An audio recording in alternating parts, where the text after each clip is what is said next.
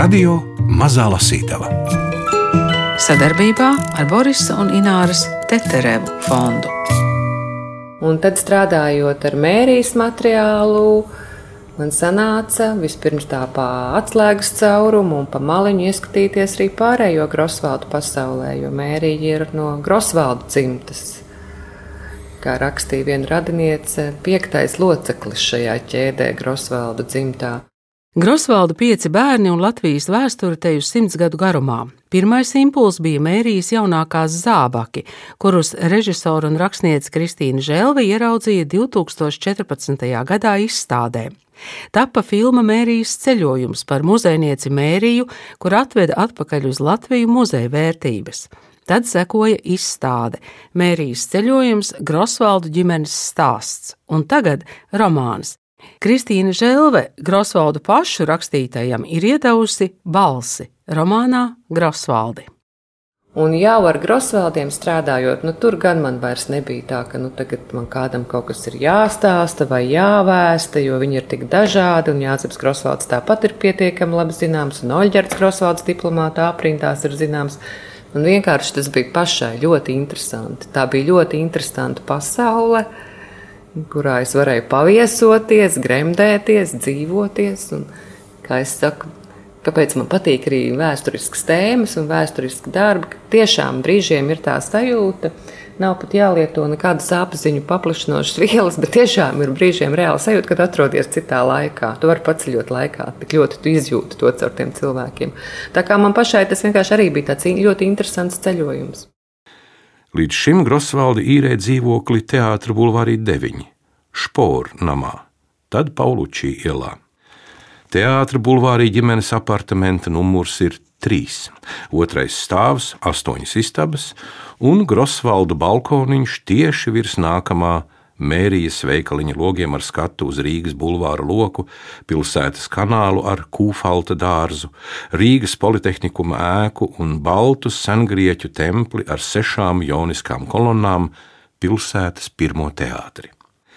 Teātras skverā gar grantēto celiņu ailām zied mežvīteņiem apvīti persijas ceriņi, pie folca nimfas kājām strūklakas vidū ar delfīniem rotaļājas četri plikiņi puisēni, Bērnistabu logi gan iziet uz pagalmu un vaļņu ielas namu brandmūriem, tāpēc Grosvaldu bērniem patīk dzīvoties zālē, sauktā par Grosvaldu salonu. Salonu nomaina kamīna, tad ēdamā istaba, tālāk papiņa kabinets, daudzās istabas kā putnu būrīši satupuši uz viena zara, to durvju ailes savērtas uz vienas taisnes, kā meža zemenes uz smilgas stiebra, un anfilādes dēļ šķiet, ka Grosvaldu dzīvokļu istabām nav gala aiz vienas jau veras cita un tā līdz bezgalībai. Zāle ir caurstaigājama, ar trim lieliem logiem uz bulvāra pusi un izēju uz metāla mežģīniem apjosto balkoniņu.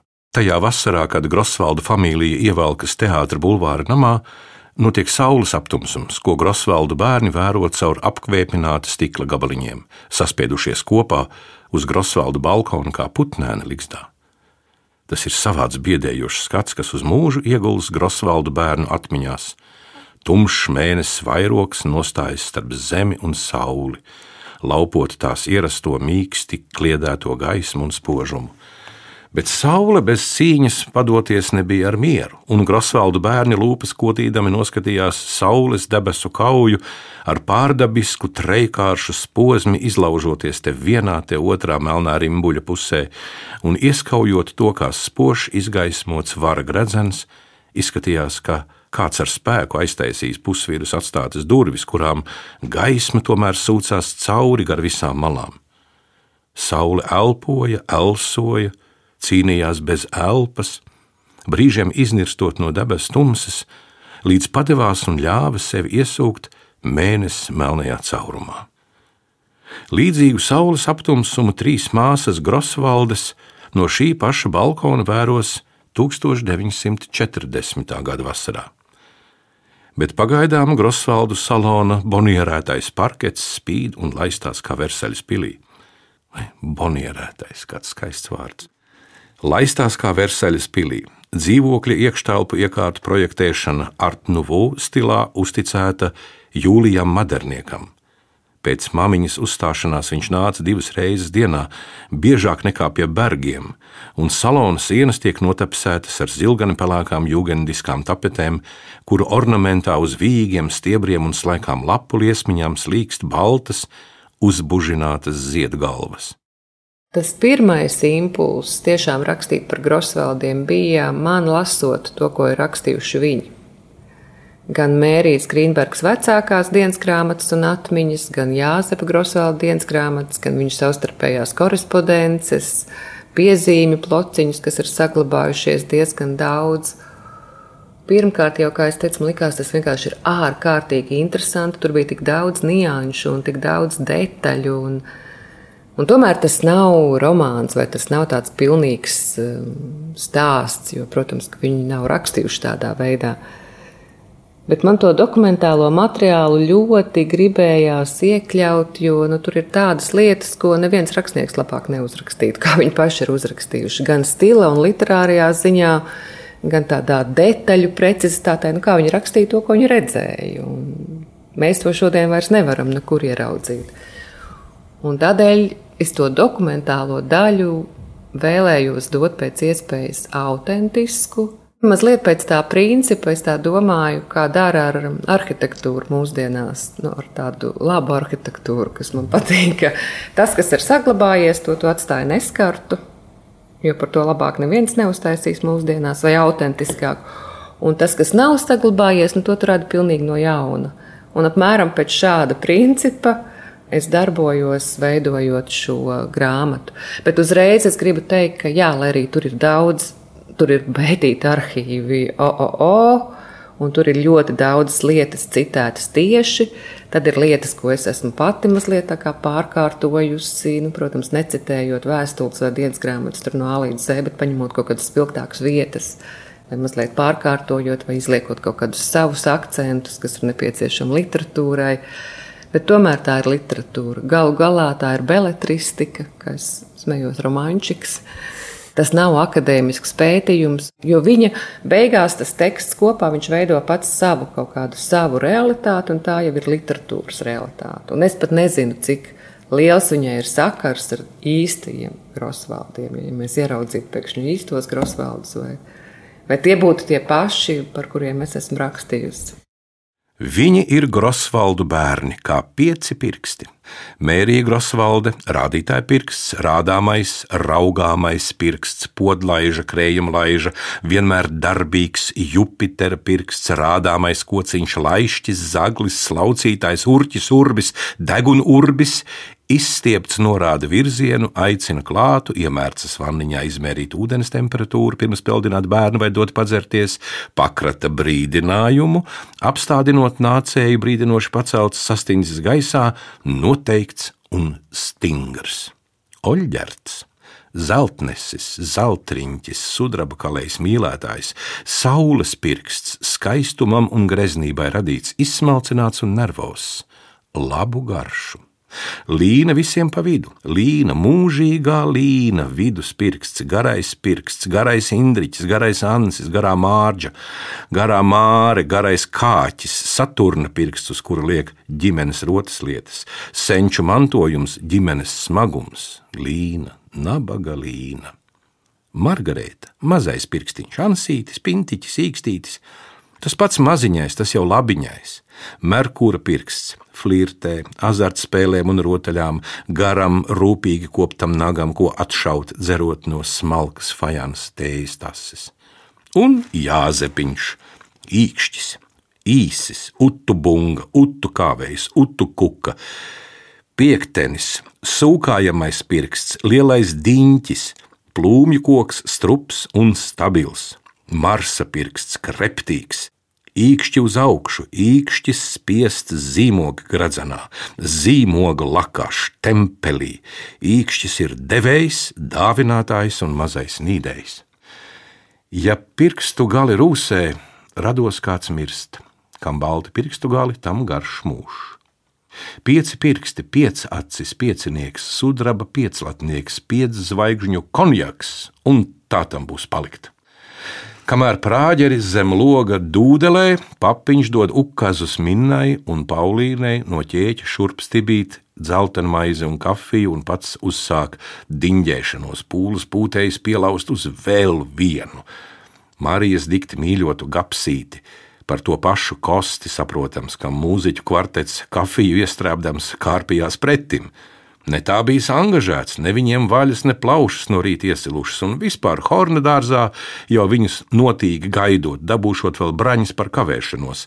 Viņi notrauc kriņģeļa druskas no frakas atloka un pēc desmit minūtu tielēšanās pūš ar to gabalu Grosvaldu papī par patikšanu pēc kura žēlīgās nobeigšanās minna vico no kambara ar aizzieģelētu kuvēru, ko vecākais mežradznieks slaidi slidina ķešā, un kvartets steidzīgi atdievojas, sakot, ka nu živai rāda tiem ātrāko sieru staciju. Dārza Pēters uz vilciena sīkā riksī diebšu un klanīdamies atslēdz mūziķiem meža vārtus un pūtēji vandās pa karmāniem, tipa grasītos dot Pēterim Čajevīju Tad smaidīdami pardonē, ka šodien kā reizi nesot sīcenes, novēl visiem priecīgu celebrēšanu, un aši prom ir, un tā tas atkārtojas gadu no gada, un tā tam būs palikt. Lai arī Kristīna Želve vairāk kārt uzsver, ka tā ir literatūra, tomēr pamatā ir arhīvu pētījumi un tikai tad literārā fantāzija. Grāmata sākas ar Grosvaldu dzimtas koku, bet grāmatas beigās piezīmes, paskaidrojumi un tulkojumi, jo Grosvaldu dzimtā bijušas piecas aktīvas valodas. Kristīna Želvas Grosvaldus lasa Gundars Āboliņš. Bet kas par vārdiem? Pasties, kūvērs, aizieģelēts un un pardonē, un esot sīcenis un tā. Celebrēšana, nu tas tā, bet kriņģeļa druskas. Kriņģeļa druskas no frakas atloka un pēc desmit minūtu tielēšanās pūš ar to gabalu Grosvaldu papī par patikšanu.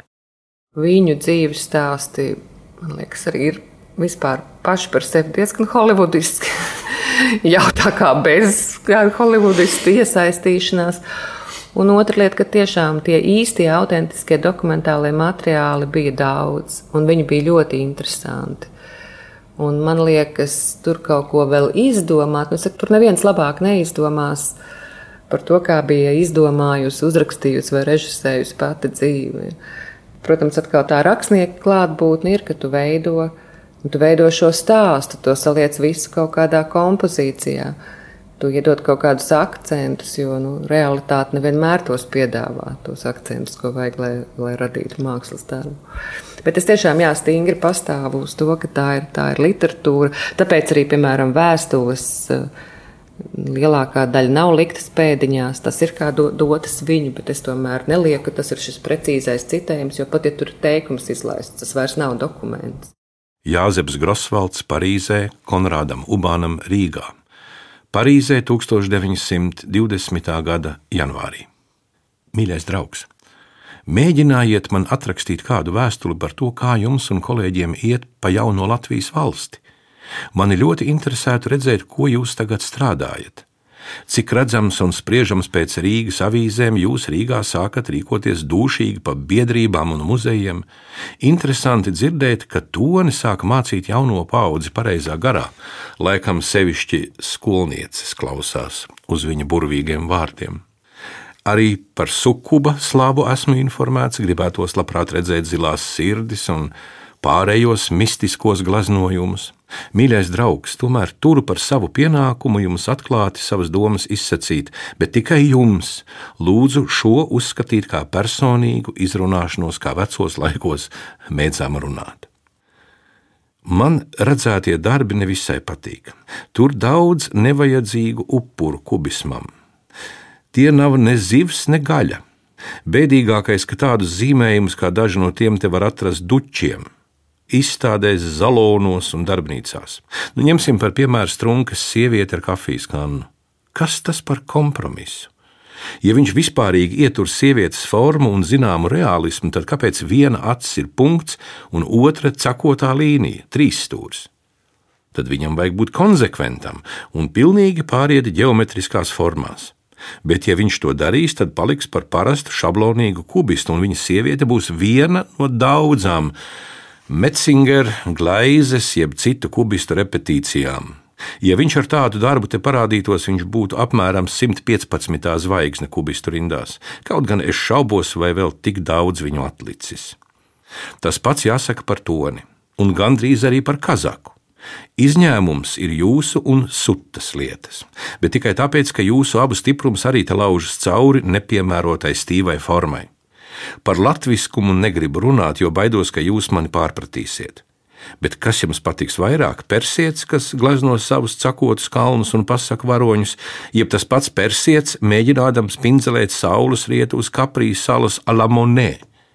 Var iedomāties, cik grūti jums tagad Rīgā strādāt, bet ticiet man, man arī grūti. Strādāt visādas citas lietas, kājas dēļ zaudēt laiku, naudu un nevarēt sēsties pie pinzelēm un krāsām, nu jau būs trešais gads. Persijas zīmējumi ir tikai materiāls, raips kinematogrāfs. Man pašam vēl nekad nav tā gribējies glaznot, kā tagad, tik līdz būšu drošs par savas kājas stāvokli, mēģināšu kaut kā ierīkoties. Atrast te saulainu darbnīcu, kur kārtību uztur veca apteksne un vieta tikai mākslai un darbam, vai nu braukt mājās. Palieku vienmēr jūsu Jāzeps Grosvalds. Mērijai bija ļoti daudz materiālu, Jāzepam bija ļoti daudz materiālu sākotnēji. Nu, tad, kad pameklē, tad atradās arī vēl gan Oļģerta Grosvalda korespondence, gan atradās šis tas no Margarētas un pat Līna ģimenes vidējā māsa, kas bija nu, tāds kā pelēkais zirdziņš, kas likās tāda varbūt vispelēkākā un vismaz zināmākā, un varbūt uz visu spilgto grosvaldu fona, ne ar ko varbūt viņa likās tur īpaši neizcēlās. Pat pameklējot, atradās arī kaut kā līnijas stāsts, salikās un izveidojās tāds Nu, man pašai viņš patika. Man pašai viņš bija tāds ļoti tuvs. Margarita varbūt tur palikusi mazliet ēnā.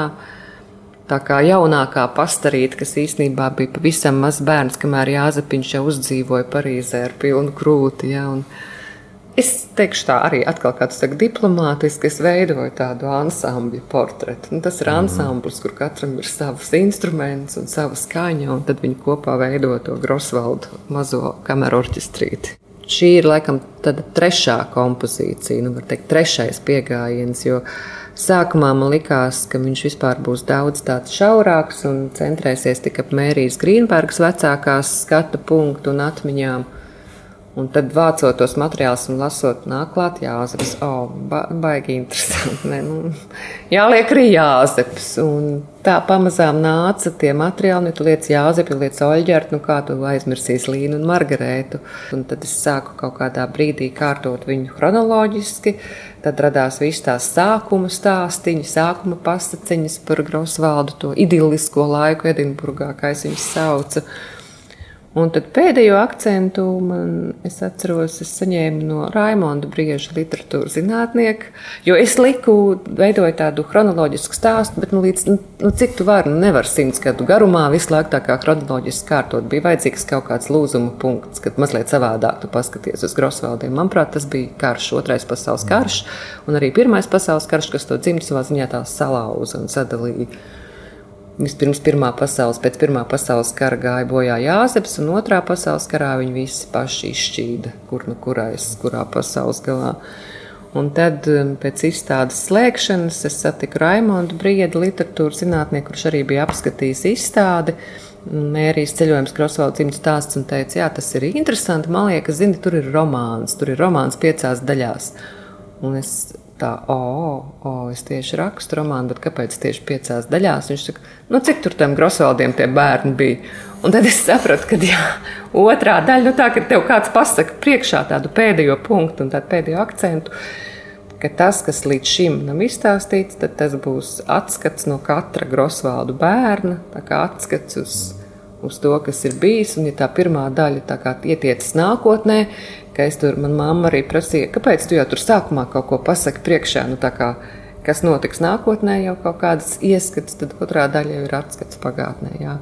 Un rakstīju es pārsvarā chronoloģiski, bet, protams, ar izņēmumiem, tad, kad es dzīvoju divus mēnešus Parīzē, arī tieši ar šo mērķi pētīt Grosvaldu Parīzes gaitas un izstaigāt viņu vietas un arī satikties vēl ar kādiem cilvēkiem, kas ir trimdas latviešu Parīzē un pieredzējuši Oļģerta. Oļģerta trimdas dzīvi tur Parīzē pēc otrā pasaules kara. Tad es diezgan daudz sarakstīju no Oļģerta daļas. Kā nu, ir tāds teiciens, ja slikts ir tas ģenerālis, viņu pieraksta šo teicienu Napoleonam. Nezinu, vai tas ir vēsturiski tiešām Napoleona teiciens, bet kas slikts ir tas ģenerālis, kas kaujā dodas bez plāna, un slikts ir tas ģenerālis, kurš domā, ka kauja noritēs pēc plāna. Nu, tev kaut kāds plāns, protams, ir, bet strādājot, jau tu redzi, ka ā, tas nestrādā, kā es domāju. Ā, nāk vēl kaut kāda spoža ideja atmeta. Mērija Grīnberga, dzimusi Grosvalde. 1963. gada 16. janvāris Rīga. Durvju zvans vispirms īsi iedžingstas, un aši iespūrdz krāslainajā Grosvalda dzīvoklī, kā nejauši iemaldījies cīruļu trellis. Tad apdomājas, vēlreiz ievelk elpu un iedūcas trim īsiem dūcieniem.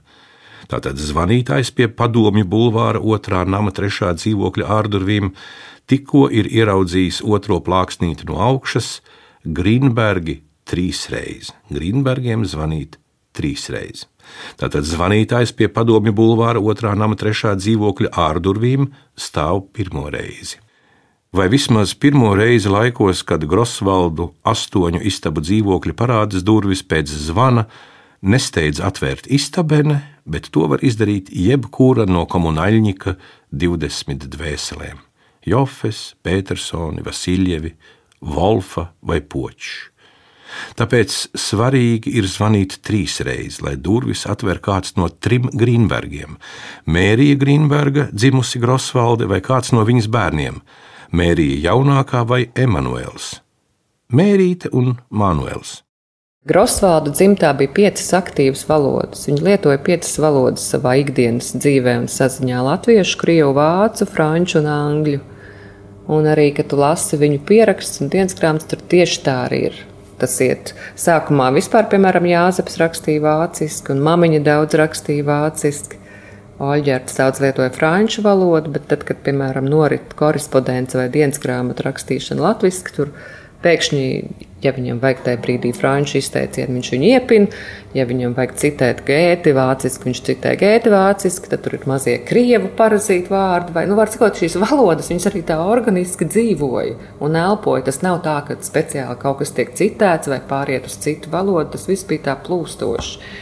Un tas bija jā, viens no izaicinājumiem tiešām panākt to nu, man negribas lietot vārdu autentiski, jo mēs neviens vairs nezinām, kā tad valoda skanēja autentiski. Vai kā Grosvalda runāja autentiski. Mēs varam to iztēloties ar fantāzijas palīdzību un ar dažu dokumentālo disku palīdzību, kas ir saglabājušās. Un tas bija viens no tiem uzdevumiem, ko es centos eh, kā, radīt to valodu vidi, valodu plūdumu, kas valdīja Grosvaldu dzimtā. Bet ar tām valodām man arī saistās tāds, nu, protams, ka man ir zināms huligānisms gan valodu lietošanā, gan varbūt kaut kādā formas veidošanā, jo tā kā mēs tiešām nezinām, kā skanēja šī valoda, es atļaujos tur arī iepīt mūsdienu vārdus. Jā, nu kopumā tie bija no tādas pirmās impulsas, tie bija seši gadi, kad man likās, nē, nu, tad, kad es lasīju viņu rakstīto, man likās, ka tam vajadzētu dot balsi. Nu, to, man patīk tas teiciens, kas arī ir tieši tulkojums no angļu, te, angļu valodas, give a voice. Kā, iedot to balsi tam viņu rakstītajam, kas ir tik skaists un interesants un, un brīžiem pretrunīgs un tāds nu, ļoti sulīgs. Kristīne Želve par romānu Grosvaldi stāstīja Zikfrīdam Muktu Pāvelam, tiekoties Latvijas Nacionālajā Mākslas muzejā pie Jāzepa Grosvalda gleznas. Radio studijā lasīja Gunārs Aboliņš, Ingvilds Strautmane, Agita Bērziņa un Reinis Būdze. Kristīna Želves Grosvaldus izdevis Neputns.